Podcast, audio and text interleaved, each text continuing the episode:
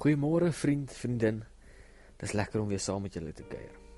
Vandag is dan al die 6ste dag wat ons oor die vrug van die Gees kuier in Galasiërs 5 vers 22 en 23. Die vrug van die Gees, sowel as die Gees van Jesus, leef in elkeen van ons. Hy leef in jou en hy leef in my. Soms sien ons 'n persoon en ons dink dit sal lekker wees om daardie persoon te kan wees. Want sulke mense is altyd vriendelik. Dit maak nie saak watter omstandighede hulle hulle self in bevind nie. Wanneer jy van hulle af wegstap, dan voel jy anders. Positief en sommer lus vir die dag. Al gewonder hoe kry hulle dit reg? Wel eintlik is dit nie uit hulle self uit wat hulle so is nie. Dis die Heilige Gees wat in hulle is.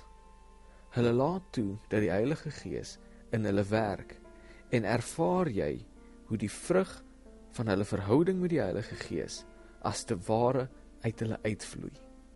Dit is in daardie mense se geselskap wat jy ook veilig voel.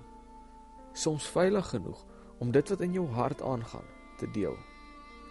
Hierdie mense sal altyd luister en saam met jou bid en soek vir 'n antwoord, deurbraak of voorsiening.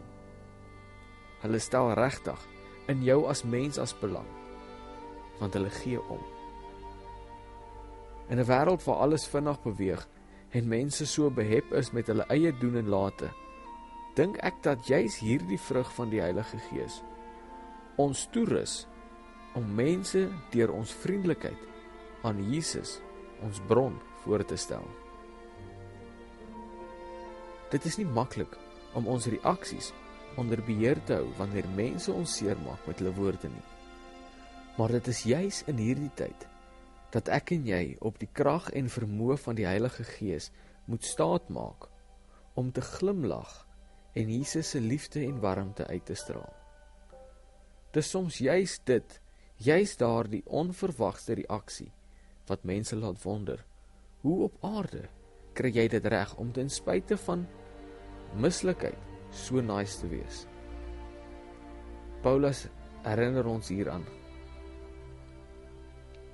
Paulus herinner ons hieraan in Kolossense 3 vers 12 en hiermee sluit ek ook af. Julle is die mense wat God gekies het om syne te wees en wat hy liefhet. Daarom moet julle hierdie volgende soos klere aantrek: deernis, vriendelikheid, nederigheid, sagmoedigheid en geduld. Kom ons bid saam. Here, dankie dat ons weet U is die bron van ons krag. Here, U is ook die bron van waaruit ons emosies opduik, liewe Heer. En Here, ons wil vandag kom vra dat U ons sal help om om vriendelikheid en rustigheid en vrede in ons gemoed te ervaar, sodat ons ten spyte van die omstandighede daar buite nog steeds kan optree soos wat dit U sal behaag. Dankie vir U goedheid en dankie vir U guns in ons lewe. Amen.